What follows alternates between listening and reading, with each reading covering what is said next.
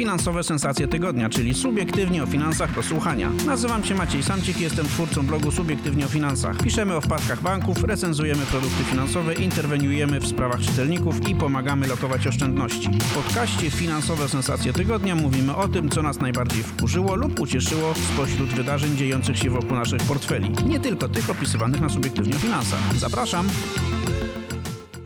Dzień dobry, dzień dobry, witam serdecznie w kolejnym odcinku podcastu Finansowe Sensacje Tygodnia. Dzisiaj odcinek specjalny z gościem. Moim gościem jest Paweł Mizerski, wiceprezes Towarzystwa Funduszy Inwestycyjnych Unika. Dzień dobry, Pawle. Dzień dobry. Nasz podcast jest e, w ramach akcji edukacyjnej, którą już od kilku lat prowadzimy z TFI Unika, akcji edukacyjnej poświęconej długoterminowemu oszczędzaniu, czy inwestowaniu pieniędzy z myślą o emeryturze oraz innych przyjemnych, lecz nieco oddalonych w czasie e, rzeczach. Paweł jest, e, jakkolwiek odpowiada w pewnym sensie za wszystkie fundusze inwestycyjne z rodziny Unika, a wcześniej AXA, bo Unika jest Uniką e, w sensie Towarzystwa Funduszy Inwestycyjnych od roku ponad, Chyba tak. Chyba wcześniej to była AXA i część z Was zapewne inwestowała w te fundusze z, jeszcze pod starą marką. Paweł odpowiada w Unika y, za wszystkie fundusze, ale jego główna specjalizacja to obligacje. I właśnie o obligacjach dzisiaj będziemy rozmawiać. O tym, czy to jest dzisiaj dobry moment do inwestowania w obligacje, w które, jakie, dlaczego i po co. Ale zanim przejdziemy do tematów obligacyjnych, chciałbym Ci, Paweł, zadać pytanie natury bardziej ogólnej. Co się dzieje dzisiaj na rynku funduszy inwestycyjnych? No bo ogólnie, tak patrząc na sytuację na giełdach akcyjnych i obligacyjnych, to wesoło nie jest. E, akcje spadają, obligacje spadają, e, więc pytanie, czy to spowodowało jakieś, e, jakąś nerwówkę wśród członków funduszy inwestycyjnych, czy też raczej są spokojni. Widzicie jakieś odpływy ewentualnie, z, czy są odpływy z tych najbardziej ryzykownych funduszy, czy też czy najbardziej wachliwych, bo takie określenie szczerze mówiąc wolę, czy, czy też raczej z funduszy obligacyjnych, tych, które miały być pewnym źródłem zarobków, no ale ostatnio okazuje się, że nie są porozmawiamy oczywiście o tym, dlaczego nie są. Co, co, jaka jest sytuacja na rynku dzisiaj? Raczej, raczej ludzie umarzają, czy wykorzystują spadki, żeby w, w właśnie inwestować nowe pieniądze i kupić taniej coś, co można, co, co kiedyś kosztowało drożej?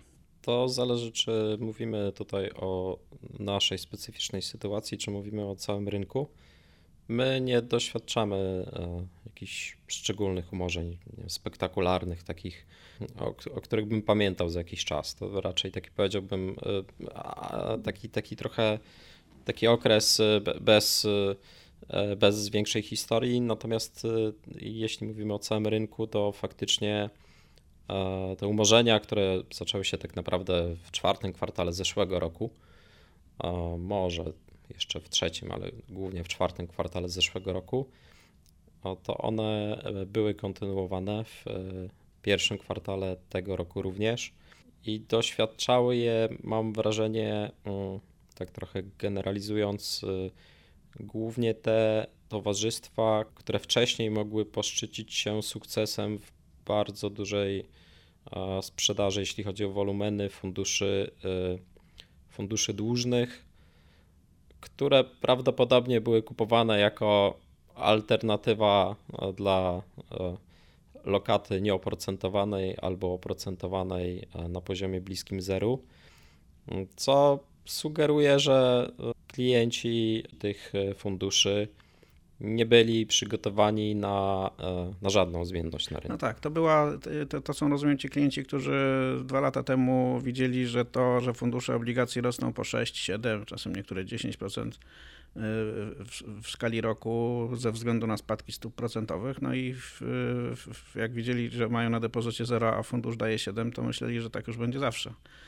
No i teraz, e, i teraz się okazuje, że nie jest i się wycofują. Tak, Dobrze to... interpretuję sytuację?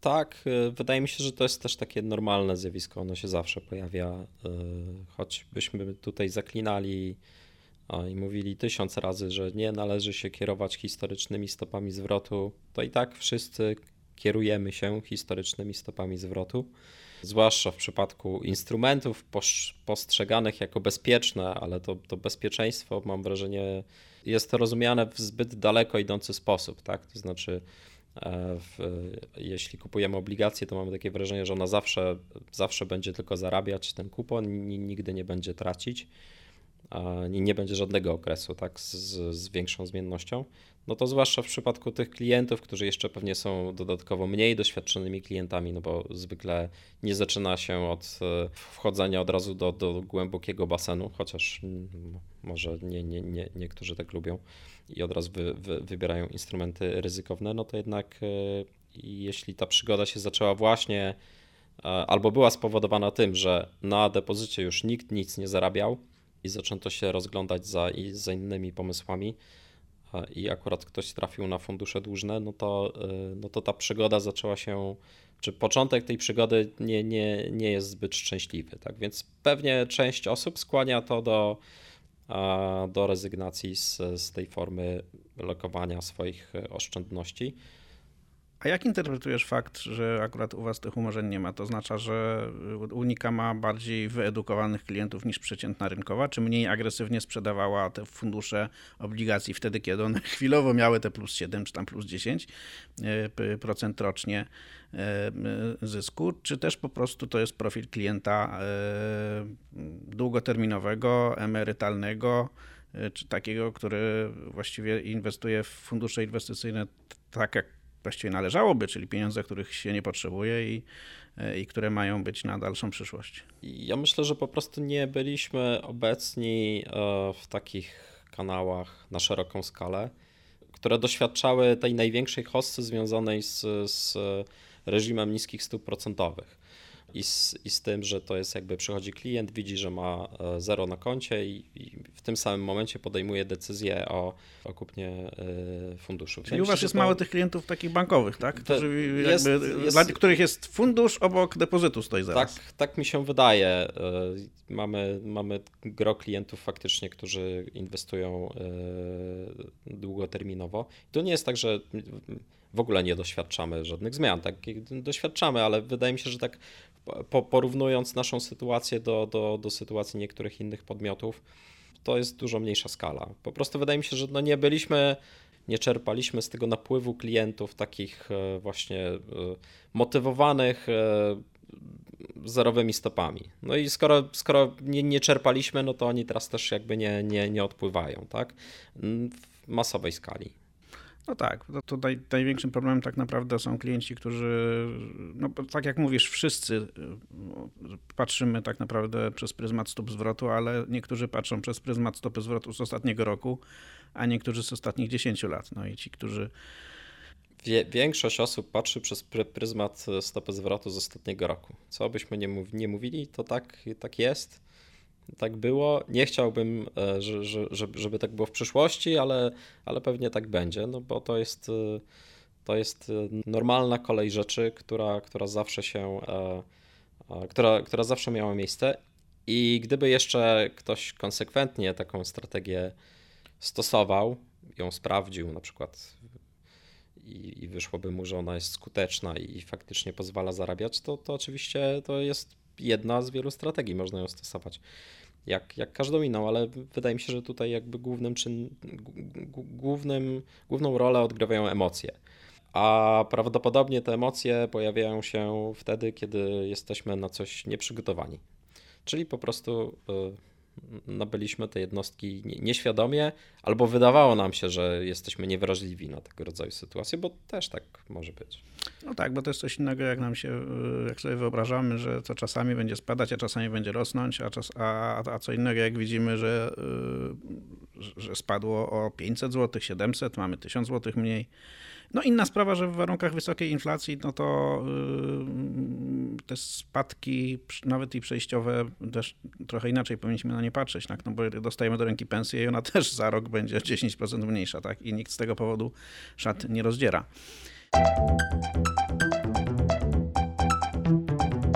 Zahaczyliśmy o, dość mocno o rynek obligacji, o fundusze obligacji, które mm, ogólnie rzecz biorąc w, ostatnich, y, w ostatnim roku zanotowały no, według różnych statystyk od minus 4 do minus chyba 6 tak, procent rocznej straty. Patrząc czysto statystycznie, bo oczywiście były na tym tle lepsze i były gorsze fundusze, czyli mieszczące się po, poza tymi widełkami, czy właśnie nie mieszczące się w tych widełkach po obu stronach.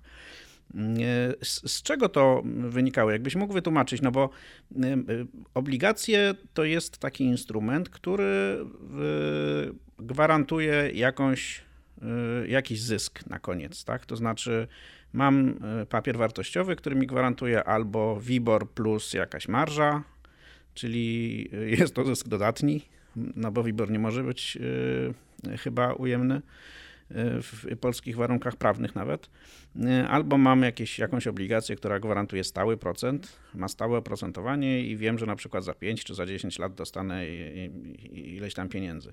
No i są też obligacje indeksowane inflacją, ale e, one właściwie są popularne głównie wśród tych, e, wśród inwestorów e, indywidualnych. Nie wiem, czy państwo dla funduszy inwestycyjnych emituje obligacje indeksowane inflacją?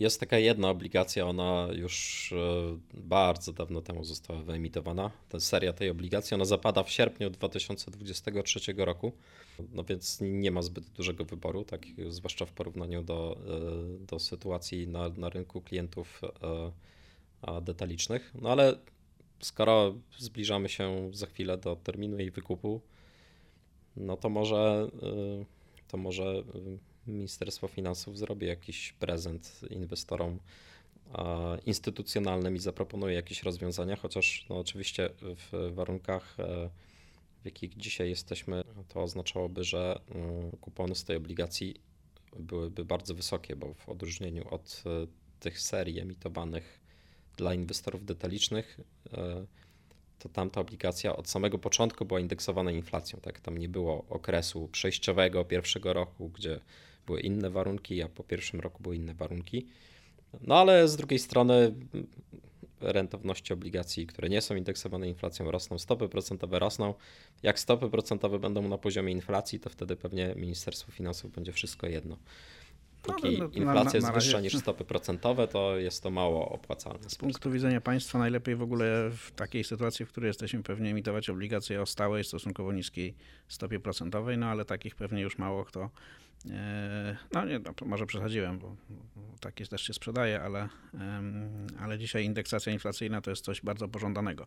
E, będąc takim zwykłym człowiekiem, mam tak i chcąc inwestować w obligacje, mam do wyboru e, trzy ścieżki de facto. Mogę kupić obligacje skarbowe, oszczędnościowe, takie, które są dostępne tylko dla osób fizycznych E, I one mogą być albo e, mieć stałe oprocentowanie, w przypadku 3-miesięcznych i dwuletnich tak jest, mogą mieć oprocentowanie indeksowane wskaźnikiem WIBOR, to, to są obligacje trzyletnie, i mogą być indeksowane inflacją. I w tej dziedzinie mamy obligacje czteroletnie, 6, 10, 12-letnie. No i każda z nich tam daje określony procent. Y, czasami wiadomo z góry jaki, czasami nie wiadomo z góry jaki. I to jest ten pierwszy sposób. Drugi sposób to jest możliwość zainwestowania w obligacje emitowane przez firmy. Y, no tutaj zwykle oprocentowanie to jest WIBOR plus jakaś marża, 3-4% czasami czasem dwa, no i tu, tu już bierzemy na siebie ryzyko, że, ta, że ten emitent upadnie i nie odzyskamy pieniędzy w ogóle. No i trzecią ścieżką jest fundusz inwestycyjny, który inwestuje w obligacje. I, i tutaj chciałbym się, żebyśmy się zatrzymali. No bo y, tu się działy dziwne rzeczy i chciałbym, żebyś nam wytłumaczył, y, co, co się działo i dlaczego. No bo te fundusze obligacji, one też inwestują w obligacje. Te obligacje, tak jak powiedziałem wcześniej, mają dodatnie oprocentowanie. No to dlaczego do jasnej cholery fundusz inwestycyjny, który inwestuje w obligacje, y, traci na wartości i ludzie mają 4% straty albo 5, albo 6 w skali roku, skoro w tym funduszu są w środku obligacje, które dają 5% rocznie, 6% rocznie, niektóre 7%, no niektóre 2-3% rocznie, jeśli to są sta stare obligacje o stałym oprocentowaniu, jeszcze wyemitowane w, w czasach niskich stóp procentowych. Ale to jest wszystko plus, a, a, a na tych funduszach jest minus. Z czego to wynika? Dobrze, to spróbujmy e, rozłożyć ten problem na, na czynniki pierwsze. Główną różnicą e, pomiędzy tym sposobem inwestowania, o którym powiedziałeś, czyli inwestowaniem w fundusze, a tymi dwoma pozostałymi jest kwestia tego, że fundusze mm, inwestycyjne muszą wyceniać się codziennie i wyceniają się po cenach rynkowych, czyli takich, które są kształtowane przez siły popytu i podaży, czyli jest ktoś, kto te obligacje chce kupić, jest ktoś, kto chce je sprzedać. Na tej podstawie jest ustalana jakaś cena. I na no tym no polega wasza gotowość. Rozumiem. Na tym polega wasza gotowość, że możecie człowiekowi, który zainwestował w wasz fundusz, oddać w każdej chwili pieniądze, tak? tak. jesteście w stanie sprzedać po jakiejś cenie te obligacje i tam jakąś porcję tych obligacji, które macie i oddać człowiekowi pieniądze. Tak. No ale dlaczego te obligacje są tak nisko wyceniane? Gdyby, gdyby, gdyby tej ceny nie było, no to nie byłoby tej możliwości. Ja rozumiem, że e, fundusze tracą, bo, bo, są niskie wyceny tych obligacji. I teraz no i tak, i teraz, i teraz spróbujmy, to, spróbujmy to wyjaśnić na przykładzie. Załóżmy, że mamy, kupujesz obligację trzyletnią, cofnijmy się trochę do ery niskich stóp procentowych, kupujesz trzyletnią obligację, stopy procentowe wokół ciebie są równe 0, ta obligacja ma kupon 1%. E, uważasz, że jest to super biznes. Przez kolejne 3 lata będziesz zarabiał 1% na kuponie z tej obligacji. E, tutaj musimy zrobić bardzo ważne założenie, to znaczy e, od teraz zakładamy, że emitent, którego obligacje kupujesz, nie będzie miał żadnych problemów i na pewno odda pieniądze.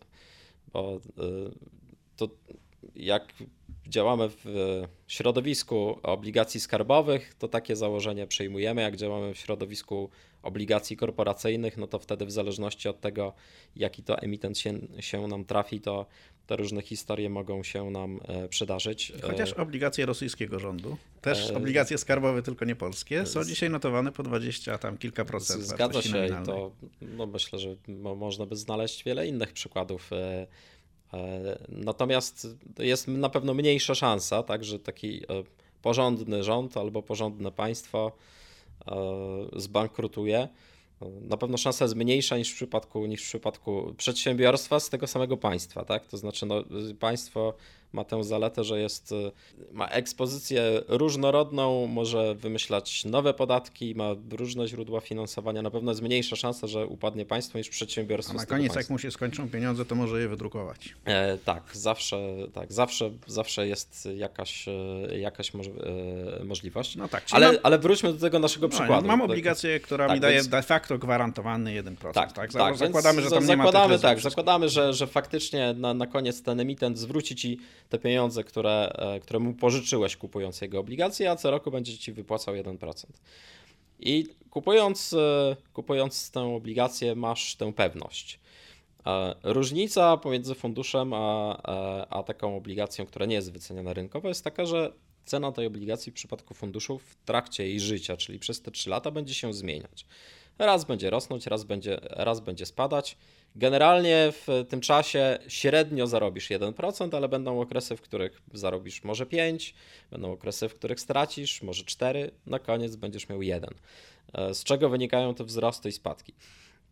Otóż jak już kupiłeś sobie tą obligację w erze niskich stóp procentowych, e, po roku czasu do, doświadczasz sytuacji na przykład takiej, z jaką mamy dzisiaj, e, dzisiaj miejsce, miejsce, czyli władze monetarne danego państwa uznają, że należy podwyższać stopy procentowe, i e, stopy procentowe z poziomu zera, jak, e, jak pamiętasz, tak jak kupowałeś, to, to, to, to taki był w naszym przykładzie poziom stóp procentowych, wzrosły do, do 5% e, po roku czasu. Oczywiście pojawiają się ci sami emitenci, którzy znowu chętnie pożyczyliby pieniądze od ciebie albo od innych, no ale nie mogą już oferować obligacji z kuponem 1%.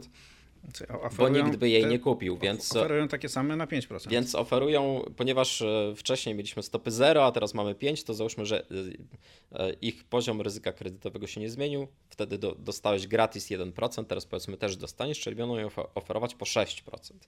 A ja zostaję biedny z tą obligacją a na 1%. A ty zostajesz z tą obligacją 1%. I teraz mamy taką sytuację jeśli nie, nie musisz jej sprzedawać, albo jeśli nie masz e, dostępu do, do wyceny rynkowej, to cieszysz się z tego 1%, czasami nawet nie wiedząc, że e, wokół ciebie inni e, twoi koledzy, sąsiedzi kupują teraz te obligacje z, z, z, z wyższym kuponem i zarabiają od dzisiaj 6%. No ty masz swoją porcję obligacji po 1%.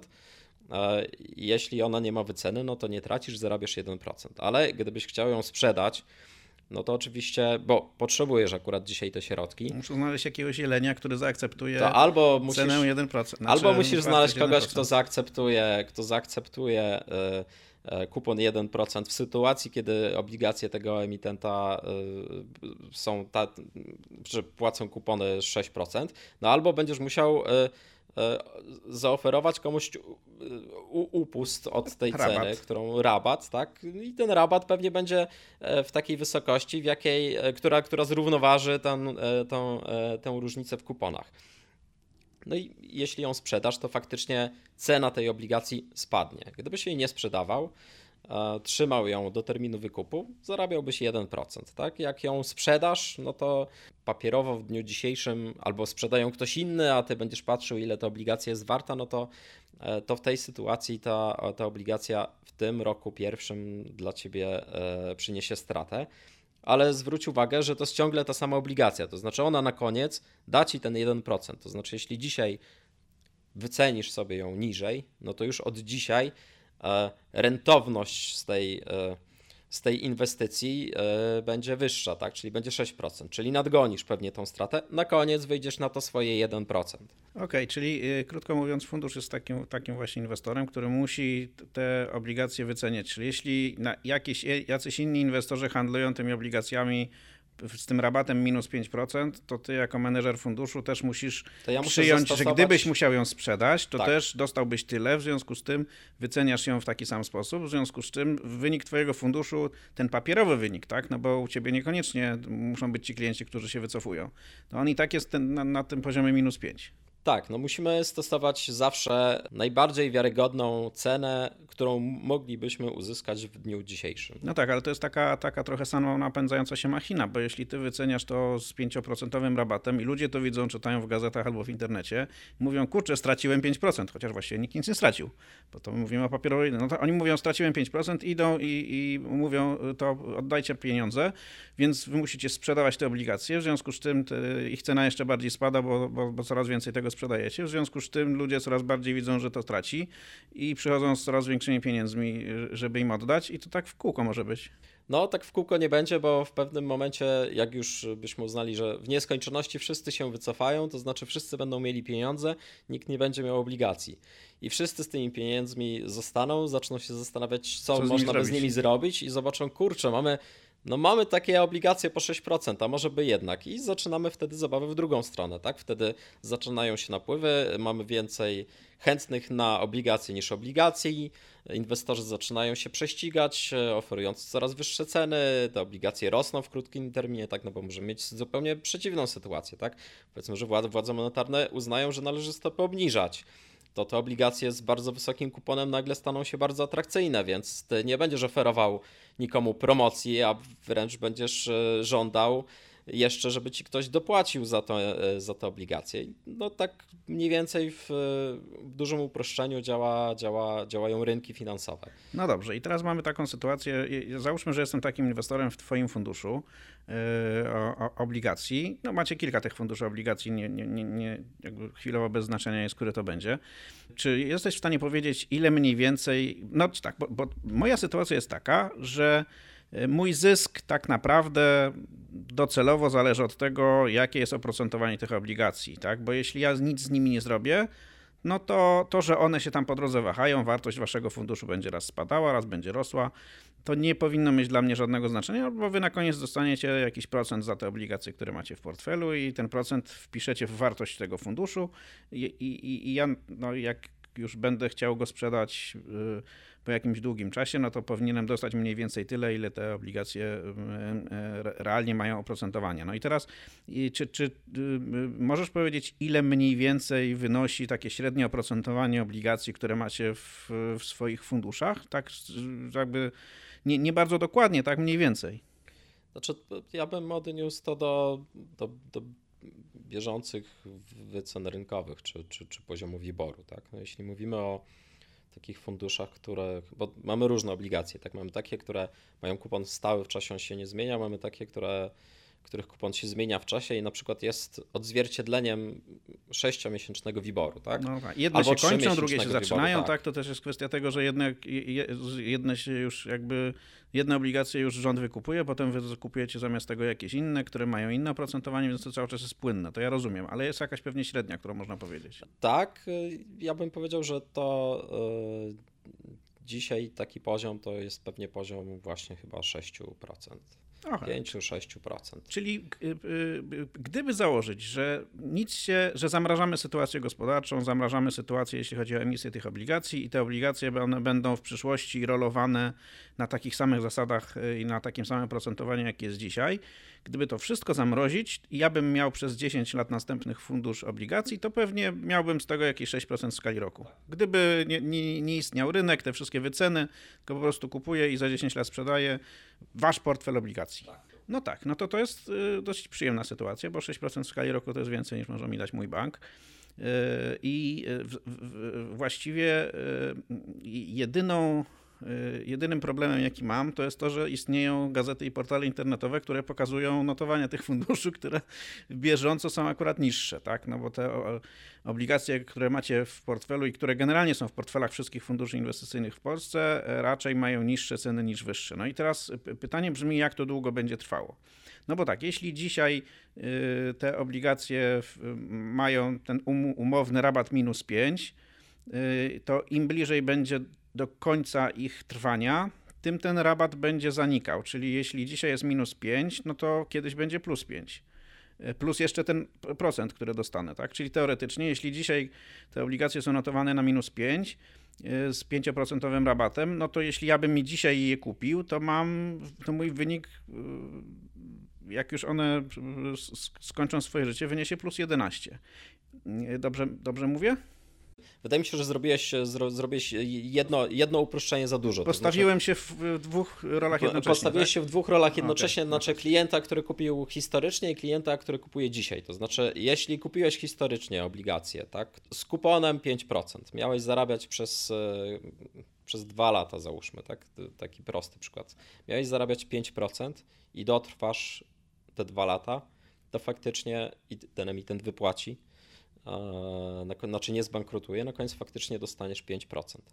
Ale jeśli po drodze, e, jeśli po drodze zmieni się wycena i to na przykład w pierwszym roku stracisz, tak, e, stracisz 6% e, albo 7 albo 10%, no to żeby średnio rocznie zarobić 5%, to wiadomo, że w tym drugim roku musisz nadgonić to, co straciłeś.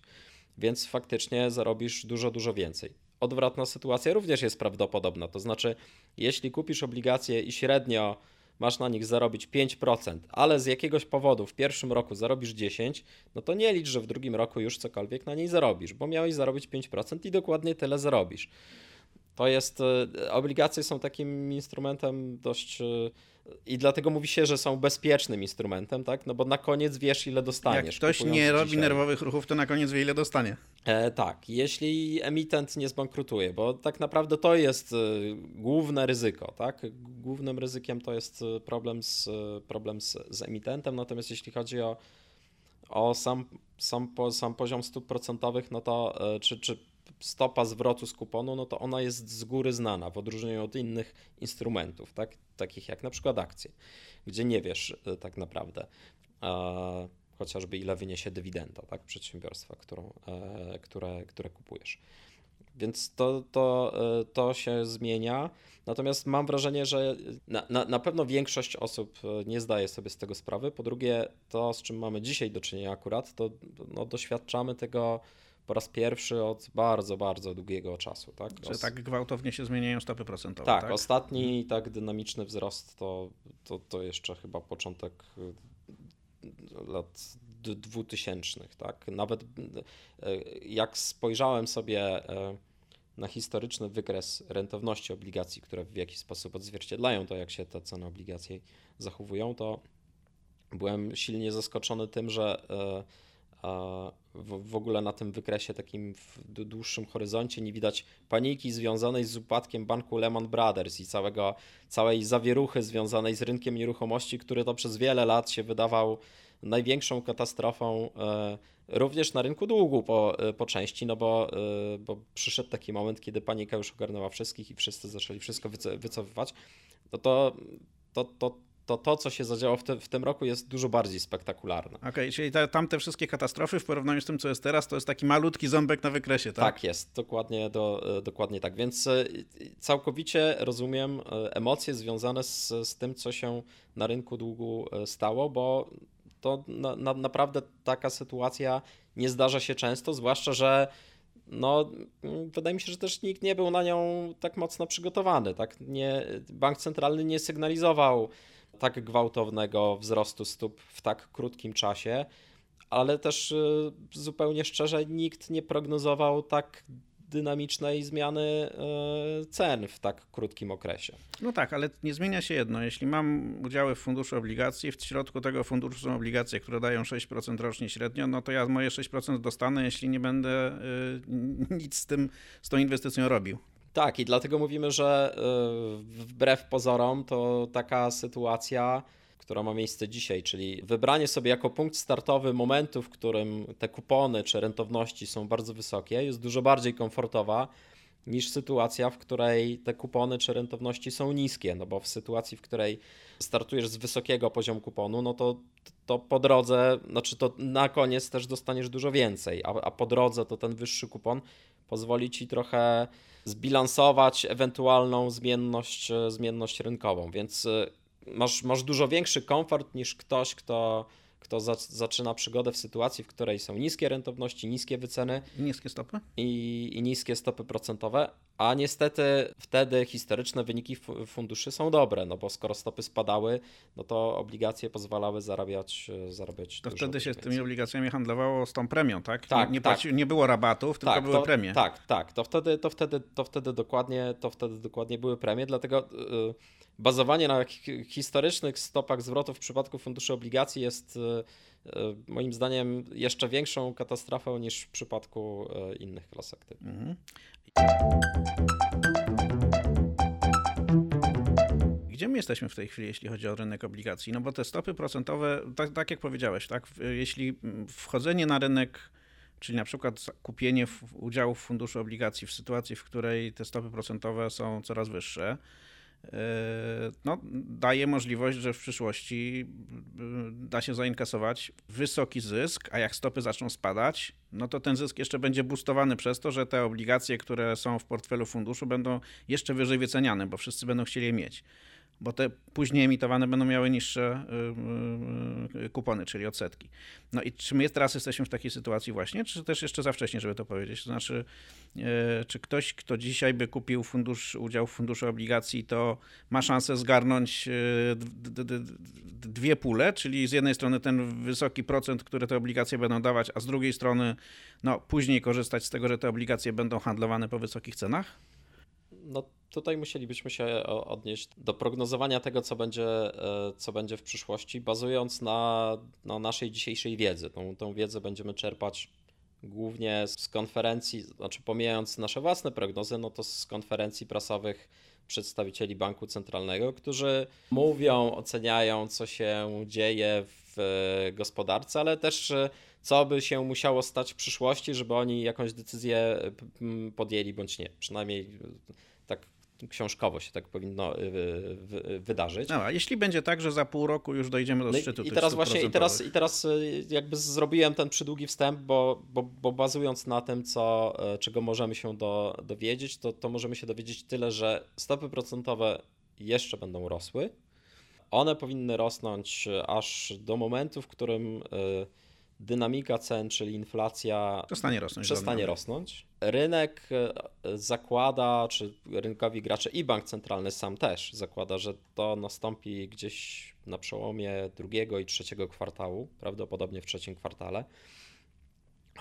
Oczywiście inwestorzy rynkowi e, to nie jest tak, że wszyscy potulnie jak baranki czekają, co zrobi bank centralny. Jak bank centralny mówi, że w przyszłym miesiącu podniesie stopy procentowe, no to e, rynkowi gracze próbują wy, wy, wyprzedzać te ruchy. Tak więc jak, jak ja mówię dzisiaj, że wszyscy oczekujemy, że stopy procentowe wzrosną, to nie znaczy, że dzisiejszy poziom rentowności jest taki jak dzisiejszy poziom e, WIBOR-u, tak? czy dzisiejszy poziom kuponu obligacji nie jest taki jak dzisiejszy poziom WIBOR-u, nie, no jest wyższy. Jest taki, jaki e, gra, gracze rynkowi czy inwestorzy zakładają, że będzie właśnie w momencie, mm, w którym ta inflacja do, dojdzie do szczytu. Tak? Natomiast sam bank centralny również sugeruje e, nieśmiało, ale to już miało miejsce drugi raz, czyli w czasie drugiej konferencji już zostało, e, zostało to wspomniane, że e, biorąc pod uwagę działania, jakie podjął, to widzi szansę na to, żeby gdzieś za rok, może półtora, stopy procentowe obniżać. E, no, czyli sam wskazuje na to, że już niedługo powinniśmy zobaczyć szczyt i wtedy będzie ten moment największej promocji, a potem będziemy schodzić ze szczytu w dół. No dobra, to czekamy na promocję. I ona oczywiście największa będzie wtedy, kiedy rynek będzie przekonany o tym, że stopy procentowe zaczną spadać, a nie wtedy, kiedy one realnie zaczną spadać. O tym pamiętajmy. E, ale przyjrzyjmy się też na koniec sytuacji, w której no, nie będzie dobrze w Polsce. Nie będziemy potrafili zapanować nad inflacją. Nasza gospodarka mm, zacznie się dławić. Na tę okoliczność zwykle inwestorzy przygotowują plan ewakuacji no i w przypadku aktywów pod tytułem obligacje, y, takim miejscem ewakuacji najczęściej jest y, Ameryka, Stany Zjednoczone.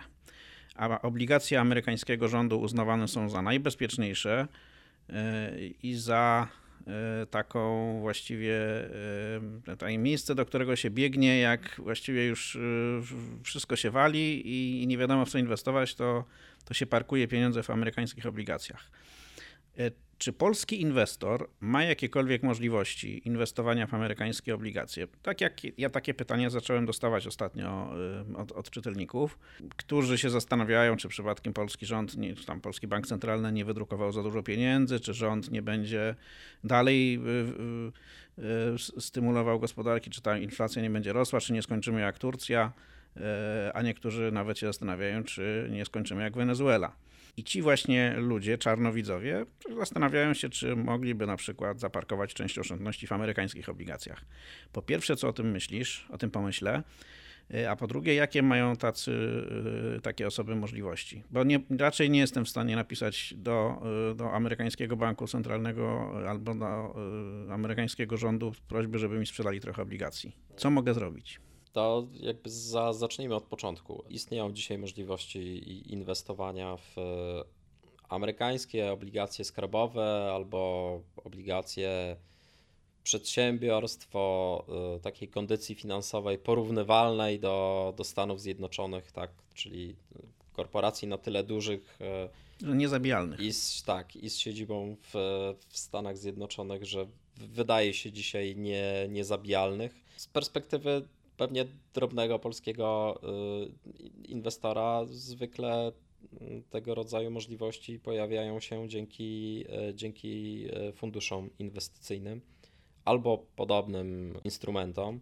W naszej ofercie jest jeden taki fundusz amerykańskich obligacji korporacyjnych, właśnie o ratingu, o wysokim ratingu, tak? czyli to jest taki instrument podobny, porównywalny do amerykańskich obligacji skarbowych a w kontekście w ogóle tego, co, e, co dzieje się dzisiaj w Stanach Zjednoczonych, to e, po pierwsze to jest tak, że i tu, tutaj należy przyznać, że inflacja nie jest tylko i wyłącznie polskim problemem. Tak? Ta inflacja jest wszędzie mniejsza bądź większa, natomiast ona wszędzie jest bardzo duża i częściowo wynika z tych samych czynników, które powodują, że jest ona no, na takim, a, a nie na innym poziomie, więc stopy procentowe w Stanach Zjednoczonych również rosną. No tam też drukowano pieniądze, żeby walczyć z COVID-em. Tak, tak bank tak centralny tam również e, dzisiaj e, walczy z inflacją, natomiast no, sam poziom kuponu czy rentowności e, tych obligacji jest oczywiście niższy niż ten, który musi płacić polski rząd.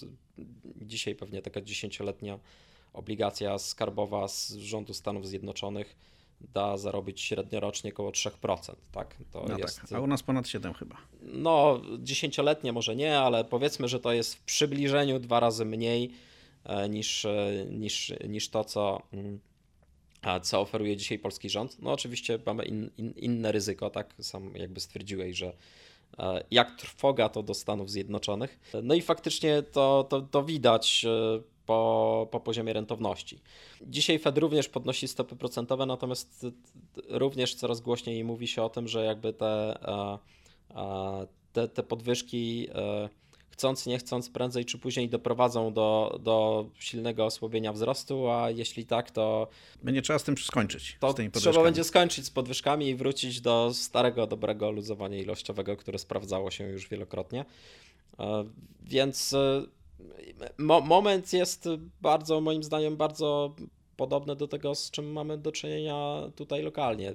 Fed może zaczął później, pół roku później podwyższać stopy procentowe, ale, ale na pewno decyzje banków centralnych się nie rozjadą. Tak? Znaczy to y, trudno wyobrazić mi sobie taki scenariusz, w którym polski y, bank centralny będzie stopy gwałtownie obniżał, a Fed będzie stopy gwałtownie podwyższał. To raczej mało prawdopodobny scenariusz faktycznie ten poziom, który dzisiaj jest obserwowany w, w Stanach Zjednoczonych, jest, jest, już, jest już e, wysoki relatywnie, tak, w stosunku do tego, co miało miejsce wcześniej.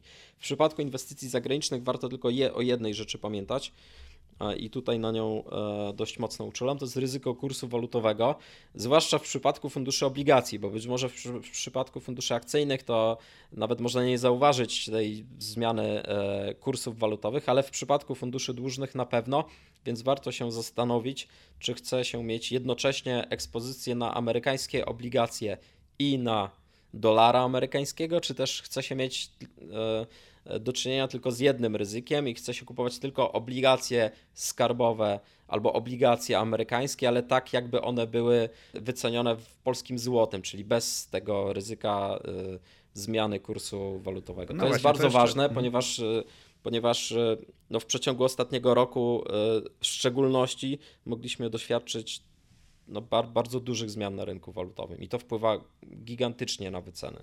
No właśnie i yy, chciałbym, żebyś trochę bliżej powiedział, w jaki sposób mogę tego drugiego ryzyka, czyli ryzyka walutowego uniknąć lub go nie unikać, jeśli go nie chcę unikać.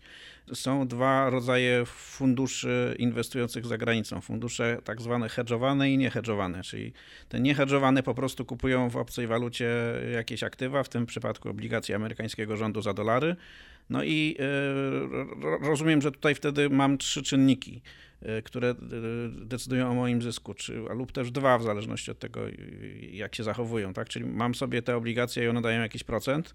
Jeśli je po drodze sprzedaję, kupuję, to jeszcze jest kwestia rentowności, czyli mogę stracić albo zyskać na tej promocji, albo na, albo na tym, że muszę drożej kupić niż, niż jest, wynosi prawdziwa wartość tych obligacji.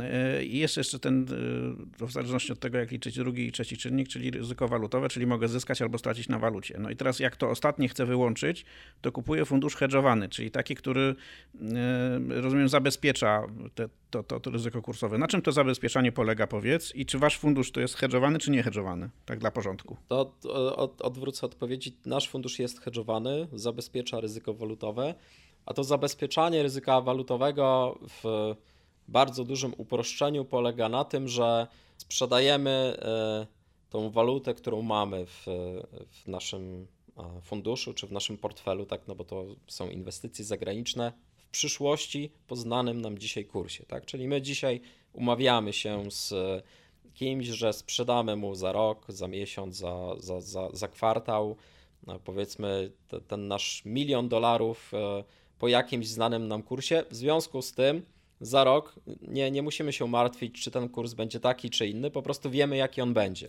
No okej, okay, ale ten ktoś, kto od was to kupuje, te, czy godzi się na to, że kupi od was dolary za rok po dzisiaj znanym kursie, on w pewnym sensie, znaczy nie w pewnym, on po prostu ryzykuje. Może się okazać, że ten kurs rynkowy będzie za rok taki, że on na tej transakcji straci, więc rozumiem, że wy musicie mu ileś tam zapłacić za to ryzyko. To, to nie do końca tak działa, no bo zwróć uwagę, że to, to tutaj jest taka gra interesów, tak? To znaczy, y, możesz znaleźć dwie strony, z których jedna będzie bardzo żywo zainteresowana tym, że ona by chciała za rok sprzedać te dolary, których jeszcze nie ma, ale powiedzmy je zarobi po jakimś znanym kursie, a możesz mieć drugą stronę, która chętnie kupi je po znanym kursie, bo na przykład będzie za ten milion dolarów chciała kupić y, x baryłek ropy które są wycenione w dolarach i nie chcę już mieć jeszcze dodatkowo ryzyka, ryzyka y, więc to... Okay, czyli to się, to się może wszystkim podobać. E, to, to może być taka sytuacja, w której będzie się to podobać wszystkim. Generalnie główną zasadą, która determinuje to, czy ty zabezpieczając ryzyko walutowe w funduszu zarabiasz e, albo czy, czy musisz komuś zapłacić, czy tobie ktoś płaci, wynika z różnicy e, w stopach procentowych pomiędzy jednym i drugim krajem. E, czyli jeśli to jest taka sytuacja, w której stopy procentowe u nas powiedzmy są wyższe niż w Stanach Zjednoczonych, to wtedy ktoś nam płaci, jeśli my się chcemy zabezpieczać, a jeśli w Stanach Zjednoczonych byłyby stopy wyższe niż u nas, to my byśmy płacili.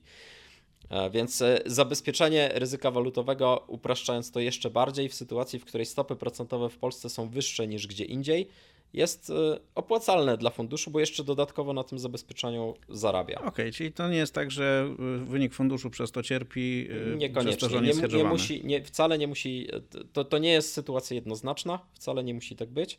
Ja bym nawet powiedział, że bardzo często w polskich warunkach to jest po prostu, no opłaca się to robić.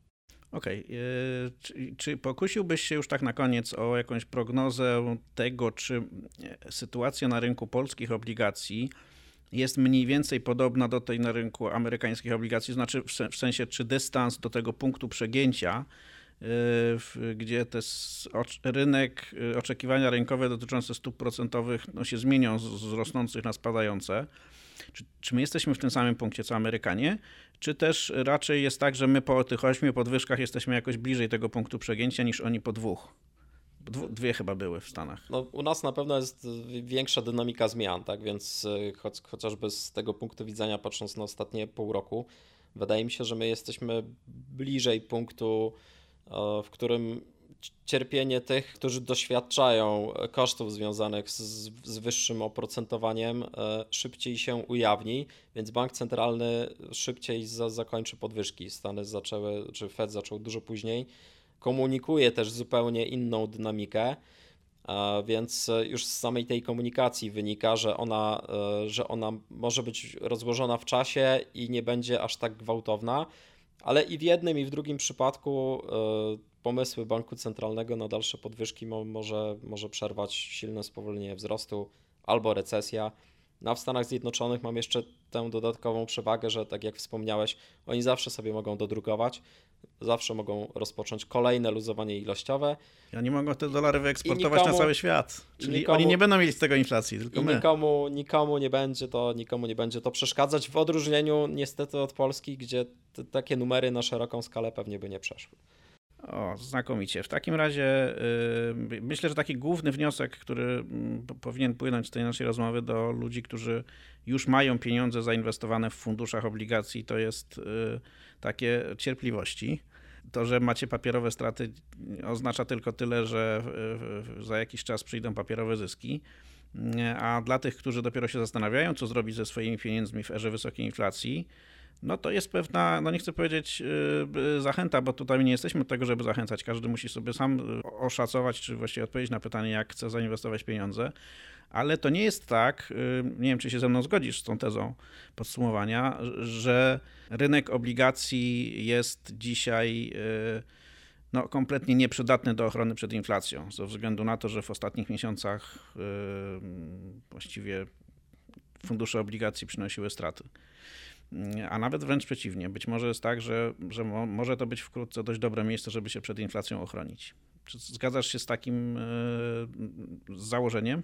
Przede wszystkim to zwróciłbym uwagę na to, że e, zwłaszcza dzisiaj i zwłaszcza teraz widać tą gigantyczną potrzebę ochrony tego, co mamy przed utratą wartości, a niestety inflacja powoduje utratę wartości. Dopóki ona jest niska, to nikt na to szczególnie uwagi nie zwraca, ale jak ona jest wysoka, taka jak dzisiaj, to, to ta potrzeba jest, ja bym powiedział, chyba większa niż kiedykolwiek. Problem tylko polega na tym, że znowu, wracając do tych nieszczęsnych historycznych stóp zwrotu, że no tak jak rozkładamy sobie te nasze możliwości, no to patrzymy tutaj, tutaj historyczne straty, tutaj historyczne straty, a to może lepiej jednak gotóweczka.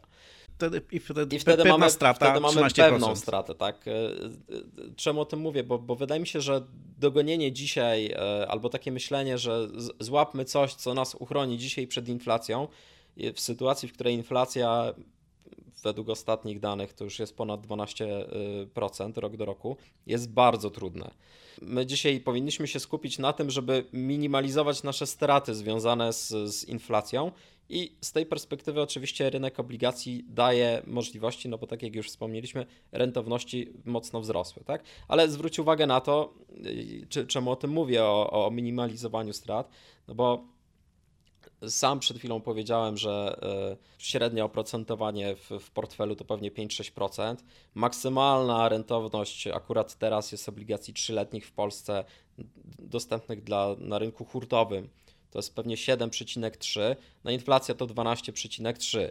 No to ja dzisiaj inwestując na 3 lata dostanę 7,3. Inflacja jest wyżej, tak? Natomiast zupełnie szczerze i poważnie i realnie dzisiaj nie myślę o tym, żeby bić się z inflacją, tylko o tym, żeby ta inflacja jak najmniej mi zabrała. Na pewno znaczy mając alternatywę, no to jednak muszę, muszę szukać rozwiązań, bo, bo, bo ta strata jest bardzo, bardzo duża. Tak?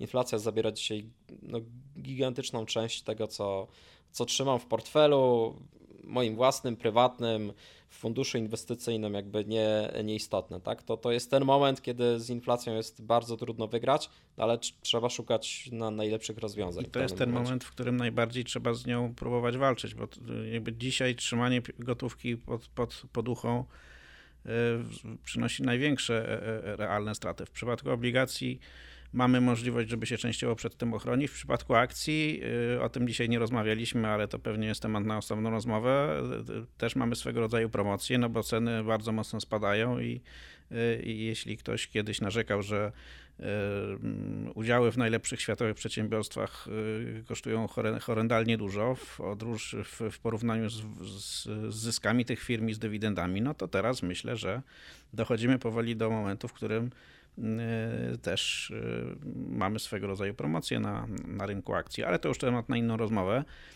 Y, bardzo Ci, Pawle, dziękuję za dzisiejsze spotkanie. Mam nadzieję, że mm, wyjaśniliśmy Wam sporo meandrów działania rynków obligacji i funduszy obligacji. Może część z Was uspokoiliśmy, może niektórzy pomyślą nad tym, żeby wykorzystać obligacje w dowolnej postaci, czy to w postaci samodzielnych zakupów obligacji skarbowych, y, które też dają dwucyfrowe zyski, zwłaszcza te długoterminowe obligacje, czy to w formule, w formacie funduszu obligacji, no, że część y, y, waszej strategii ochrony przed inflacją będzie miała cokolwiek wspólnego z obligacjami. Jeszcze raz Ci bardzo dziękuję, Pawle, i do następnego razu.